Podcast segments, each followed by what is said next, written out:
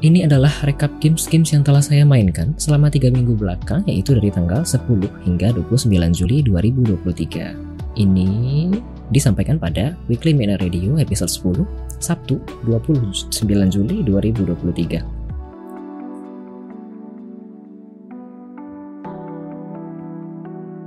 Bentar.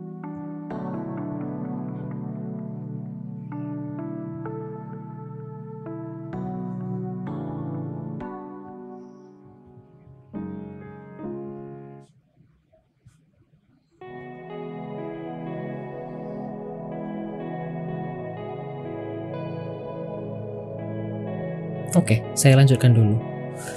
Hmm, secara singkat, pada tiga minggu ini saya memainkan 83 judul. Sebenarnya ada 84 sesi, cuma hanya ada 83 judul yang berbeda karena ada satu judul yang dimainkan dengan judul yang sama dalam tiga minggu ini. Um, satu merupakan demo, kemudian pada minggu ini saya mendapatkan versi fullnya. Jadi tidak bisa dikatakan dua judul yang berbeda, sehingga totalnya hanya ada 83 judul yang saya mainkan pada tiga minggu ini. Ada banyak, jadi saya percepat saja. Ada Language Guesser, ada Love Too Easily, ada Murder Game Over, Streaming Death, lalu ada Lil Gator Game, Shinonome, Iron, Iron Evil, kemudian ada Piskirazi, Cards and Guns, Crime O'Clock, Disney Dreamlight Valley, kemudian ada Sugar Tanks, Search and Rescue, lalu ada Whispers in the West, kemudian ada Championship, Golf Club Wasteland, ini kayaknya ganti judul ke Golf Club Nostalgia, kemudian ada Backpack Hero, ada Alterium Shift, lalu ada Corporation, The Prologue, lalu ada Flamekeeper, End Zone A World Apart, lalu ada Quartet, Lysara Summit Kingdom, We Are Eva, Fort Fallen, Falklands, An Everyday Story, kemudian ada Lost Abroad Cafe, lalu ada Morok, Penny Larceny Gig Economy Super Villain, lalu ada 30XX, kemudian ada Big Bad Bobby, Ink Inside, Elven City Simulator, Abandonware, The Horror Collection, kemudian ada Cardboard Kings, uh, Card Simulator Game, lalu ada Sharpunk Verminfall, ini DLC-nya yang Red Pack, lalu ada the Kangaroo, ini juga DLC yang oh well, lalu ada Library, kemudian ada Recall, Empty Wishes, lalu ada Akura, kemudian ada Thronefall, lalu Steel Racer, Reverie, Sweetness Edition, Itorah, A Juggler's Tale, The Dreamer Must Die, Fry Into the Void, Minute of Islands, lalu ada Hang, Drowning on Dry Land, Starfaders, Doggy Don't Care, Stone Shard, lalu ada Meaningless, uh, ini bacanya agak susah. Kalau tidak salah bahasanya Kerzi. Kerzi Zasi Knights of the Cross. Project Aurora. Interrogation. You Will Be Deceived lalu ada Encodia. Thoughts of the Bio kemudian ada My Friendly Neighborhood. Lalu ada Project Spring Break. Frutalistic. Kemudian ada Larry. Wet Dreams. Don't Dry. Lair Leisure Suit Larry Wet Dreams Don't Dry ini yang keluaran 2018 kemudian ada Lost and Found Go. Kemudian ada Keepsake County Touch Scarf Pumpkin Panic Vivid Loop. Lalu ada Stand Alone Unif Undercast lalu ada Graffiti Castle Boti Byteland Overclock. Lalu ada My Little Universe. Dan ini di hari terakhir yaitu ada Latte Stand Tycoon plus ada Turmoil, Redline, Beyond Inseparable, Let's Revolution, lalu ada Soul Dog, TD, kemudian ada Yet Another Zombie Survivors, AB Tapes, Deadly Days, Murder Game Over Streaming Death, I'll Kill Her, kemudian ada Surmount. Banyak sekali. Terima kasih telah mendengarkan seluruh judul yang telah saya mainkan selama 3 minggu ini. Oke, karena setelah ini ada 23 game yang akan saya perkenalkan secara singkat yang kayaknya notable dan mungkin ada yang tertarik di masa depan? Mau mungkin beli game-game yang saya rekomendasikan? Saya hentikan dulu musiknya sebentar. Oke. Pertama ada Recall Empty Wishes. Ini game horror uh, dari Cina. Seperti biasa tipikal game dari Cina itu um, 2D kemudian banyak puzzle-nya, tapi sayang kontrolnya agak belibet sebenarnya. Lalu agak depresif karena menceritakan kisah seorang ibu yang ditinggal oleh mati oleh suaminya sehingga ia harus menghidupi kedua anaknya hingga besar. Kira-kira seperti itu, makanya agak depresif konsepnya. Tapi cukup bagus meskipun kontrolnya agak belibet. Kemudian saya lanjutkan ke game kedua. Game kedua ada FMV dari Korea. Ini judulnya Love Too Easily. Kwamol Kwamol Ipkemshi. Ini masih prototype dan sekarang mereka sedang ada di Kickstarter. Untuk ceritanya agak meh sebenarnya, tidak terlalu oke. Okay. Mungkin karena masih demo dan terlalu singkat mungkin untuk untuk dijudge kalau tidak salah cuma ada 20-an menit. Tapi aktor dan aktris serta directing FMV ini cukup bagus. Jadi kalau Anda sedang mencari game yang bisa dimainkan untuk hmm, chilling dan pingin nonton sinetron seperti interaktif, film interaktif, boleh coba game FMV ini karena masih demo dan masih gratis juga. Untuk mini game di game ini ada dua dan cukup bagus. Game mini game pertama kurang bagus, tapi mini game keduanya cukup bagus.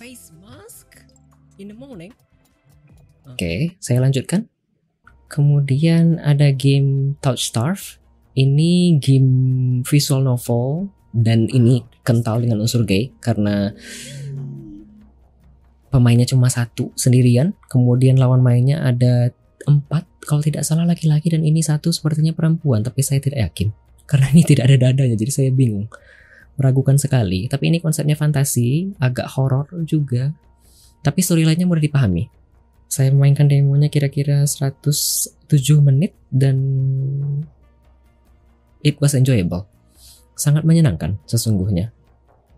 Kemudian saya masuk ke game selanjutnya. Ada Redline ini horor lagi dari Cina. Konsepnya uh, menghubungkan dua dua entity. Satu di dunia abad sekarang di kisaran 2000-an sekarang. Kemudian satu lagi di angka 2007-an sebentar. Oh ya betul. Tidak jalan. Ya konsepnya masih puzzle dan dibikin dengan RPG Maker. Ini horror. Saya di sini agak terkejut karena melihat bentuk bayinya yang mengejutkan di sini. Apalagi mainnya kalau tidak salah ini setengah lima malam. Jadi agak-agak ya mengejutkan sedikit untuk saya yang biasanya biasanya cukup nyaman dengan game-game horror. Cukup bagus. Sayang kategorinya belum ada di IGDB dan saya tidak mengerti kenapa. Kemudian game selanjutnya kalau Anda sedang mencari game-game find hidden objects ini bagus. Judulnya Crime O'Clock. Konsepnya mencari hidden objects dan tidak ada warna, benar-benar black and white karena mungkin konsepnya itu across the timeline. Jadi Anda akan menjelajahi waktu dari masa lalu ke masa modern ke masa lalu lagi lalu bisa menggunakan berbagai alat untuk merubah hal-hal dan takdir di dunia lampau maupun di dunia sekarang Mungkin karena itu warnanya black and white, tapi cukup bagus meskipun kadang-kadang narasinya agak membingungkan untuk dipahami oleh uh, bahasa Inggrisnya mungkin yang kurang mumpuni. Bagi saya sendiri ini cukup memusingkan sebenarnya, tapi cukup bagus sesungguhnya. Kalau tidak salah juga masih ada demonya di Steam. Jadi kalau misalnya belum yakin untuk membeli, boleh dicoba dulu di demonya di Steam. Kemudian ada game Find Hidden Object lagi, tapi ini dari Thailand. Saya sudah memainkan game ini dua kali sebenarnya di awal tahun 2023. Sebelumnya saya memainkan game ini, tapi kontennya jauh berbeda dengan ini. Tidak tahu apakah konten yang lama itu masih akan dipertahankan oleh developernya atau tidak. Dan ini ada demo baru. Ada dua ada dua area yang bisa dicari-cari hidden objeknya di mana saja disembunyikan oleh developernya. Kemudian game ini dari Thailand iya, bisa dilihat. Masalahnya nggak ada itu loh, nggak ada clue kalau misalnya hint ini loh barang nggak ada. Bisa dilihat warna-warninya Sesungguhnya ketika memainkan game ini saya merasa sangat senang. Karena ini digambar dengan tangan sepertinya. Saya punya apa ya? cinta ke game-game yang digambar dengan tangan. Hand drawn graphic is a soft, have a soft spot for me. Kemudian warna-warninya juga cerah sekali. Mungkin karena itu merasa senang. Terus semuanya juga imut-imut sekali. Jadi ya ah, semuanya hit the spot basically. Sangat menunggu sebutannya hingga game ini akan rilis nantinya. Kemudian saya memainkan game RPG Maker lainnya, judulnya Mur- Murder is Game Over, Streaming Death. Ini saya selesaikan tadi malam di stream full 2 jam 40 menit kalau tidak salah. Capek. Karena memainkan game ini basically benar-benar menguras otak karena harus mengumpulkan segala barang bukti yang ada agar dapat menentukan siapa kira-kira pembunuh dari korban di game ini. Bagus, storyline-nya mudah dipahami. Hmm, Meskipun mungkin bahasa Inggris Anda kurang mumpuni, menurut saya bahasa Inggrisnya tidak susah. Dan bagi Anda yang mungkin suka detektif-detektifan, bagus game ini. Kemudian saya lanjutkan. Ada game platformer judulnya Lil Gator Game. Ini gamenya 3D platformer kayak begini. Sebenarnya ini mengingatkan kepada masa kanak-kanak karena gamenya sebenarnya sangat-sangat sederhana tapi nagih. ini saya ingat ketika saya main game ini lagi main kemudian tiba-tiba di rate oleh Om Hype kemudian OBS saya berhenti internet koneksi internet saya berhenti jadi terpotong VOD-nya tapi sejujurnya memainkan game ini meskipun cuma satu jam pada saat itu tapi sangat menyenangkan. Karena di sini bisa dikatakan tidak ada apa ya opsi untuk mati di game ini. Jadi meskipun anda jatuh dari tebing setinggi apa pun anda tidak akan mati. Begitu enaknya. kemudian karena konsepnya kembali ke kanak-kanak jadi memang benar-benar bermain dan merusak segala barang-barang yang telah disediakan sendiri. Makanya tadi saya seperti ini. Karena sebenarnya konsepnya di sini si buaya ini ingin eh, membawa kakaknya yang sibuk kuliah, sibuk dengan pekerjaannya untuk menikmati kehidupan sebentar saja untuk bermain dengan adiknya di area ini di mana dia dan teman-temannya telah menyediakan banyak arena. Seperti ini. Ini dari kardus jadi buaya kecil ini dengan teman-temannya telah menyiapkan segala kardus di seantero area di perbukitan ini. Kemudian setelah disiapkan area eh, segala kardus untuk dihancurkan sayang kakaknya tidak bisa menyempatkan waktu untuk adiknya. Agak sedih. Tapi ya namanya juga kembali ke kanak-kanak. Mau dibilang apa? Kemudian ada game platformer lagi. Ini kayaknya 3D juga. Judulnya Flame Keeper. Saya memainkan game ini di difficulty normal dan difficulty easy dan itu susah sejujurnya. Susah karena jika anda mati eh, anda harus kembali ke awal sangat-sangat awal. Jadi satu level itu ada tiga tahapan basically. Ada area 1, area 2, area 3 dan jika anda mati di area 2 anda harus kembali ke awal sekali ke perkampungan. Jika anda mati di area 1 anda juga harus kembali ke area awal. Jadi makanya agak susah. Konsepnya sederhana. Anda hanya harus menjaga api ini untuk tetap hidup sesuai judulnya Flame Keeper tapi tidak semudah yang dibayangkan karena ada banyak musuh-musuh yang juga harus Anda basmi sembari Anda mengeksplorasi dan mencari api ke sana dan ke sini. Kemudian selanjutnya ada game platformer lagi. Ini judulnya An Everyday Story. Ini kayaknya dua 2.5D platformer karena ini tidak 3D sepertinya. Atau mungkin 3D saya tidak mengerti bedanya apa. Ini masih ada puzzle di game ini. Di game ini Anda akan memainkan tiga karakter yang berbeda, satu origami yang berbentuk kelelawar seperti ini, kemudian Anda akan memainkan uh, karakter seperti kapten bukan kapten, polisi yang di London untuk melompat dari sana kemari. Kemudian nanti Anda juga akan memainkan karakter berupa mainan kapal-kapalan untuk mengarungi area yang basah. Itu saja sepertinya. Puzzle dan ini di develop oleh indie game developer juga kalau tidak salah dan saya lupa.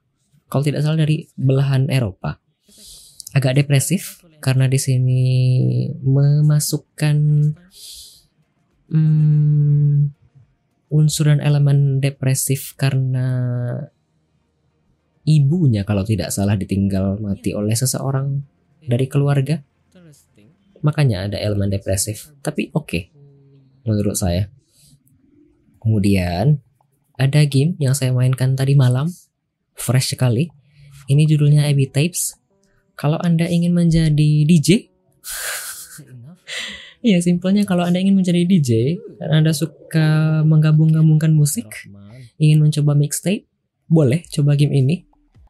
Gamenya juga hand-drawn grafik, kentara sekali. Ini basically kayak digambar pakai pensil, gitu kan ya. Kemudian ini masih puzzle karena Anda akan menyelesaikan puzzle ke sana kemari dan sederhana. Tidak butuh banyak pemikiran sepertinya, hanya butuh logika saja untuk menyelesaikannya. Tapi ya, kembali lagi. Poin yang paling pentingnya ya kembali lagi ke yang tadi. Mixtape. Ini contohnya yang saya kerjakan di sudut kiri ini. Saya menggabungkan beberapa suara-suara untuk menjadi mixtape. Kira-kira begitu. Saya lanjutkan. Kemudian ada game ada game platformer lagi judulnya Boti Byte Land Overclock. Game ini sebenarnya konsepnya memanfaatkan segala istilah yang ada di komputer-komputeran, segala istilah yang ada di dunia IT, seperti byte, zip, kemudian bukan, bukan boti itu yang saya maksud, tapi benar-benar boti ke robot sepertinya, makanya dinamakan dengan boti dan juga ada byte land, makanya arahnya ke byte dan komputer-komputer IT-an. Sejujurnya saya sudah mainkan game ini dua kali. Beberapa bulan yang lalu saya mainkan game ini, tapi sangat-sangat berat sekali. Saya tidak mengerti, saya tidak mengerti kenapa berat sekali. Namun kali ini diberi kesempatan untuk mainkan game ini lagi via playtest di G Round dan cukup enjoyable. Astaga. Iya, tapi ini mudah dan simple. Tapi sayang, sebenarnya arahan dan objektif di game ini masih kurang jelas agak menunggu juga kira-kira di masa depan akan diimprove seperti apa game ini. Kemudian saya lanjutkan. Selanjutnya ada game 2D platformer. Ini judulnya Ink Inside. Di sini Anda akan memainkan karakter ini. Karakter ini memainkan itu loh, yang lempar bola. Lupa apa judulnya ya, lempar bola yang lempar bola yang didorong, dilempar ke lawan main. Saya lupa apa ya istilahnya. saya lupa istilah istilah olahraga yang ini apa tapi ya ini basically lempar bola untuk mengalahkan lawan-lawan. Saya lupa apa ya judulnya tapi ya begitu. Cukup asik tapi ah ya dodgeball. Thank you bang. Iya Game ini cukup menarik sejujurnya, meskipun agak susah. Tapi menurut saya cukup menarik. Agak menunggu kira-kira di masa depan seperti apa. Kalau tidak salah demonya ada 90-an atau 100 menit dan cukup menyenangkan meskipun agak susah. Kemudian saya lanjutkan ada Golf Club Wasteland. Ini game puzzle berbasis main golf dan uh, konsep waktunya distopia. Awal-awal konsepnya ini kayaknya simple, tapi seiring waktu susah untuk dimainkan karena semakin waktu puzzle-nya akan semakin complicated dan saya cuma memainkan sampai level 18 kalau tidak salah di stream. Kalau tidak salah. Distopia karena basically kita kembali ke bumi hanya untuk memainkan golf saja karena bumi tidak bisa ditempati lagi, makanya karakternya menggunakan baju astronot seperti ini dan menggunakan helm untuk menjaga dari atmosfer bumi yang tidak bisa ditempati lagi. Kemudian saya lanjutkan ada game Cardboard Kings Card Shop Simulator. Ini sebenarnya saya sudah nyobain demonya kira-kira 6 bulan atau 7 bulan yang lalu. Sudah lama sekali. Konsepnya simple. Jualan kartu. Kayaknya bosen mungkin bagi beberapa penonton atau para pendengar yang sedang mendengarkan siaran ini. Tapi sebenarnya tidak. Karena konsepnya cuma jualan kartu doang. Sejujurnya addicting sekali. Saya awalnya cuma berencana main 5 hari di game ini, tapi seiring waktu nambah lagi, nambah lagi, nambah lagi. Hingga akhirnya saya kalau tidak salah mainkan game ini 10 hari di sesi itu. Kalau tidak salah 10 hari itu 90-an menit dan menyenangkan. Nanti di masa depan akan saya lanjutkan lagi main game ini.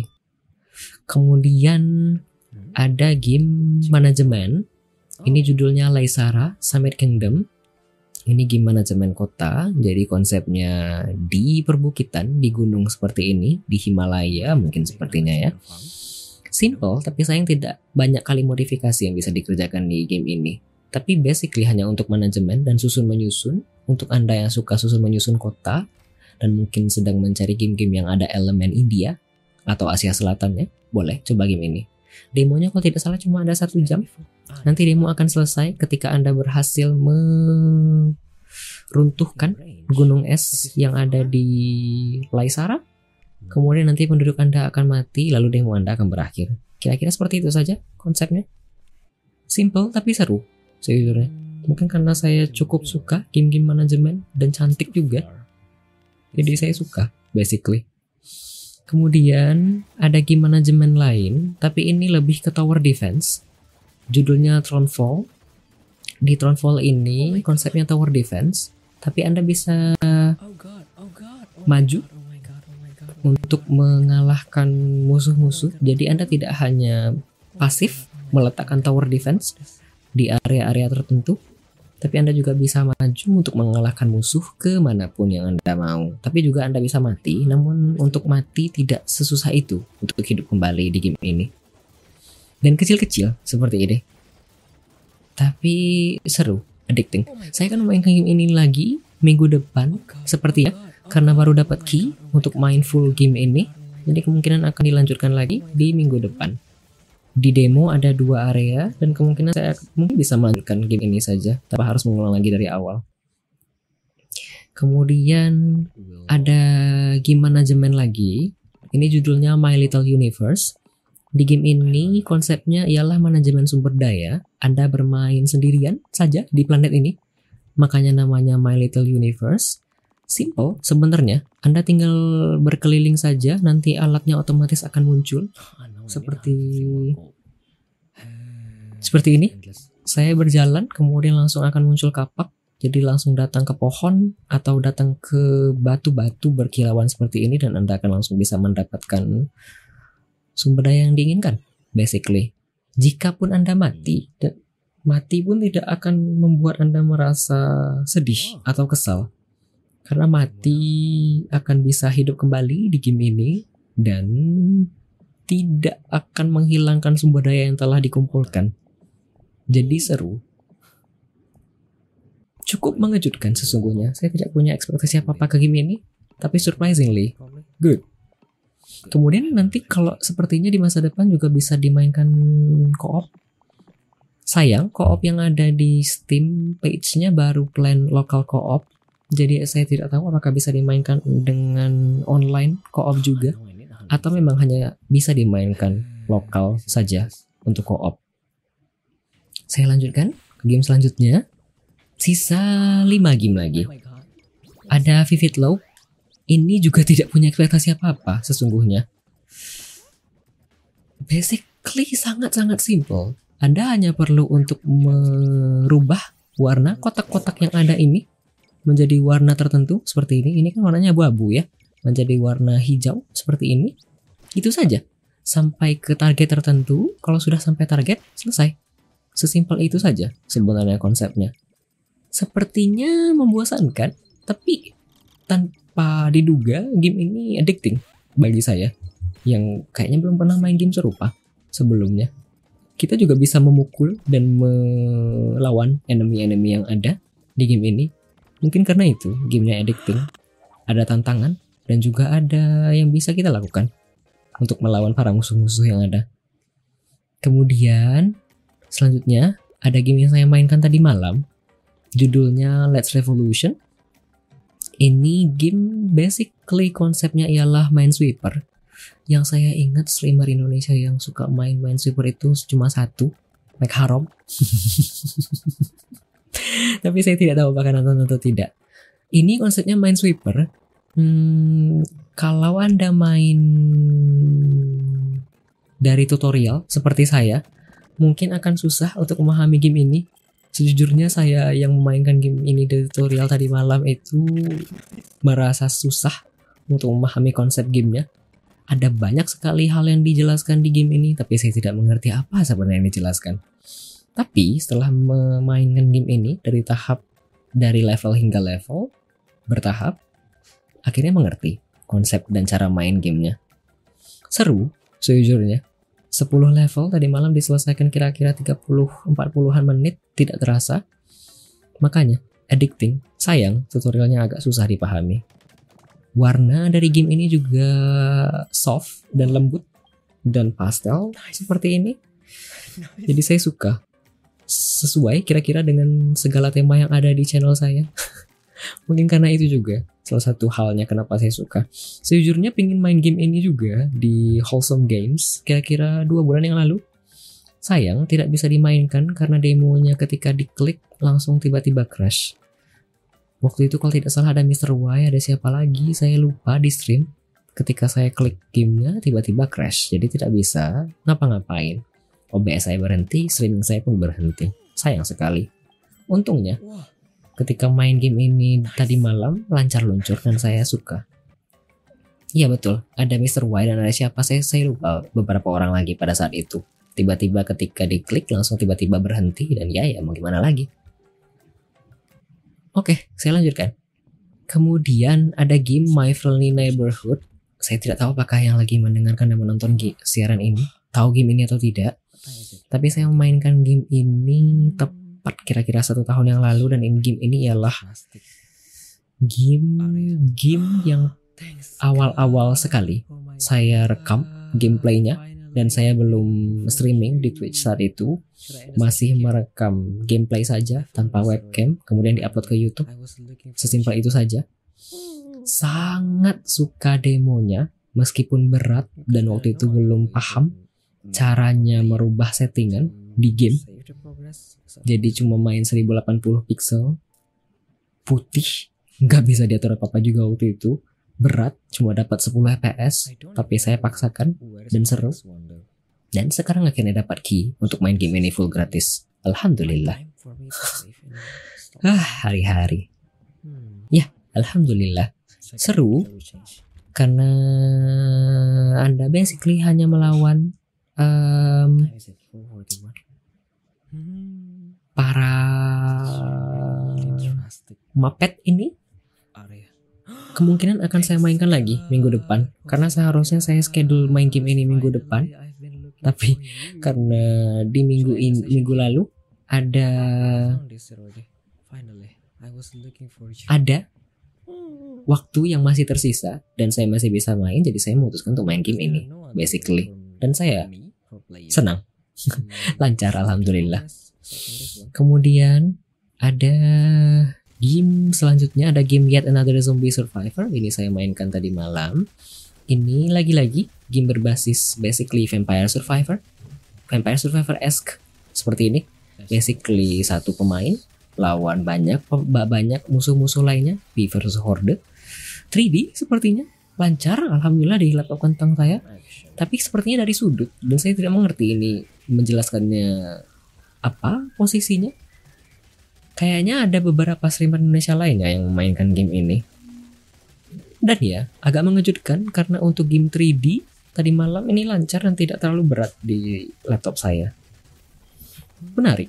Dan saya bisa menyelesaikan mode normal hanya di, di tiga run saja. So, cukup merekomendasikan game ini. Dan ada game terakhir yaitu Deadly Days. Tadi malam main game ini dan ada beberapa viewer yang datang. Ada Mr. Y, ada Mas Jigo, ada Fred Elvis, dan ada juga beberapa viewer lainnya juga menonton uh, lurking di belakang diam-diam. Ini Deadly Days judulnya. P versus Horde juga, tapi beberapa karakter melawan zombie basically. Karena kita harus menyelesaikan dan bertahan untuk mempertahankan hidi, diri dan kehidupan dari serangan para zombie. Itu saja sepertinya konsepnya rock light dan kita bisa upgrade barang-barang karena konsepnya cuma looting ke beragam area. Kemudian bisa looting makanan juga dan sumber daya yang ada di kota yang telah ditinggal gara-gara semuanya berubah menjadi zombie seperti ini. Ada Twitch integration juga, jadi Anda bisa interaktif dengan para penonton yang sedang menonton stream Anda di Twitch. Jadi ketika Anda akan memilih area mana yang akan dieksplor selanjutnya, para viewer Anda nanti bisa menentukan area mana yang akan ditentukan, anda area mana yang akan dimainkan oleh Anda selaku streamer atau pemain game ini. Gitu saja.